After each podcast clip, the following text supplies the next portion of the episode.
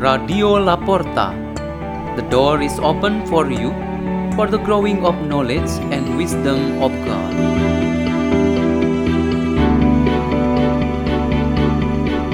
Delivered by Father Peter Tukan, SDB from Salesian Don Bosco Labuan Bajo, Diocese Ruteng, Indonesia.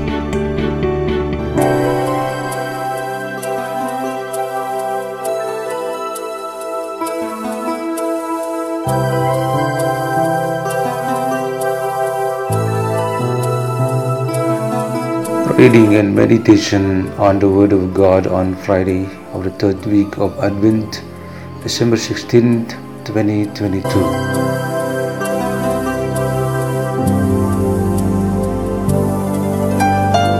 The reading is taken from the book of the prophet Isaiah, chapter 56, verses 1 to 3a, verses 6 to 8. Thus says the Lord Observe what is right, do what is just, for my salvation is about to come, my justice about to be revealed. Blessed is the man who does this, the Son of Man who holds to it, who keeps the Sabbath free from profanation, and his hand from any evil doing. Let not the foreigner say, when he would join himself to be Lord, the Lord will surely exclude me from his people. The foreigners who join themselves to the Lord, ministering to him, loving the name of the Lord, and becoming his servants, all who keep the Sabbath free from profanation, and hold to my covenant, them I will bring to my holy mountain and make joyful in my house of prayer. Their burnt offerings and sacrifices will be acceptable on my altar. For my house shall be called a house of prayer for all peoples. Thus says the Lord God, who gathers the dispersed of Israel. Others will I gather to him, besides those already gathered.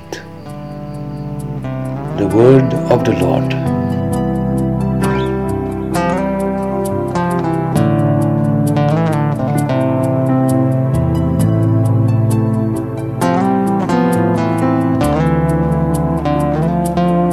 Our meditation today is the theme God's coming brings justice.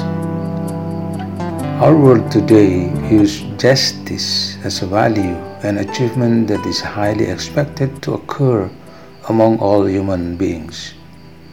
In fact, since the time of Jesus, even long before, justice has become the main requirement to be created for the sake of a peaceful and happy life together.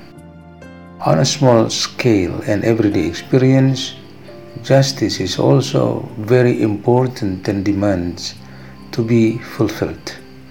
For example, in a family, when the mother talks more and comments a thousand words about the situation in the house because she cares about all the affairs in the house, the father and children should follow and support her. This is a treatment given to the mother about what is her right and responsibility. That is justice. The most basic understanding of justice for us is to respect and maintain the rights of each human person. In our relationship with God, there is a statement from the scriptures that says, Give to God what is God's and give to Caesar what is Caesar's. Taken from Matthew chapter 22, verse 21. God deserves to be treated as God and Almighty God, while humans must be treated as humans.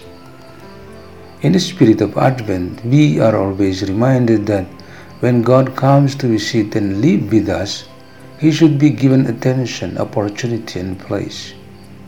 The book of the prophet Isaiah in the first reading says that the need of law and justice is an urgency because he who is coming will truly declare justice for the whole world. Not a single human being escapes from the heavenly judgment brought by the Lord Jesus Christ. Fertile ground and open opportunities for the presence and operation of God's justice is a life in this world that is unfair. There are lots of injustices or unfair life situations that we are experiencing together right now. We together need to improve by creating justice so that everyone in life together becomes peaceful and safe. This time leading up to Christmas and New Year's Day, a demand of justice requires us to meet as families and share with one another the spirit of love. If any of us do not have this special and beautiful opportunity, of course, this is an injustice. May our lives together always strive for justice.